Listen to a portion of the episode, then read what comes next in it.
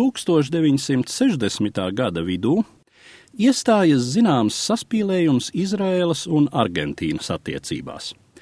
Atklājas, ka grupa Izraēlas pilsoņu ieradušies Argentīnā, kur nolaupījuši kādu Ricardo Klementu, vietējās Mercedes rūpnīcas darbinieku, un slepeni izveduši viņu uz Izrēlu. Jau visai drīz kļūst skaidrs, ka minētais Klements nav nekāds Klements, bet gan bijušais SS Obersturmbannfīrers Adolfs Eichmanis, nereti dēvēts arī par holokausta arhitektu.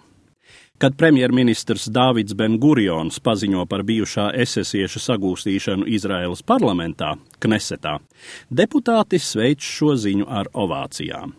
Savukārt Argentīnas valdība protestē pret aizturēšanas operāciju, pamatoti uzlūkojot to kā savas suverenitātes aizskārumu un vēršas apvienoto nāciju drošības padomē.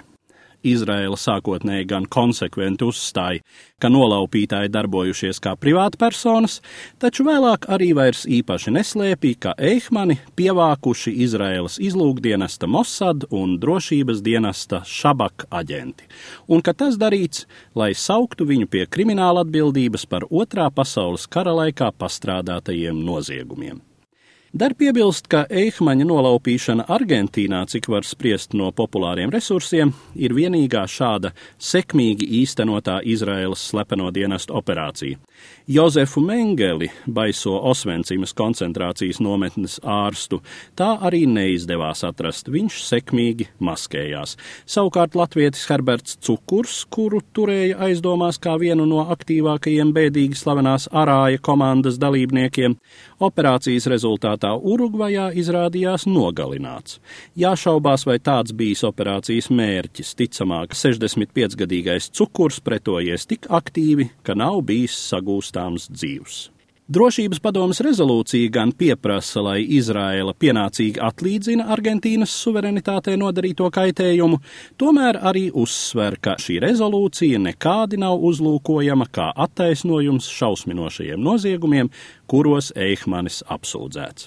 Drīzumā abas strīdā iesaistītās valstis paziņoja, ka konflikts izsmelts, bet Eihmanim bija jāgatavojas tiesas prāvai, kura pret viņu arī iesākās Jeruzalemē 1961. gada 11. aprīlī. Tiesājamais ir viens no galvenajiem holokausta īstenotājiem. Jau pirms kara sākuma viņš Reiha centrālajā drošības birojā nodarbojies ar ebreju emigrācijas jautājumiem.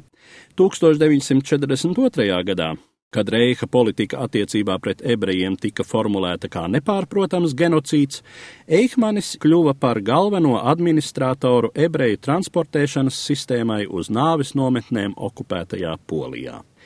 Viņa pārzinātā transportēšanas sistēma tātad ir visai būtisks posms holokausta iznīcināšanas mašinērijā.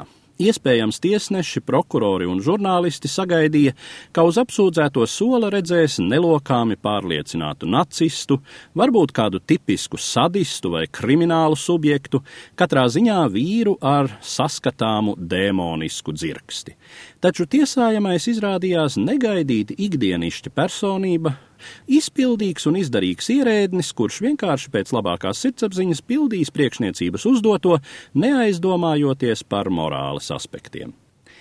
Filozofe Hanna Ārente, kurai pašai savulaik nācies bēgt no Hitlera reiha, grāmatā Eihmanis Jeruzalemē, nodēvē tiesājamo par ļaunuma banalitātes iemiesojumu.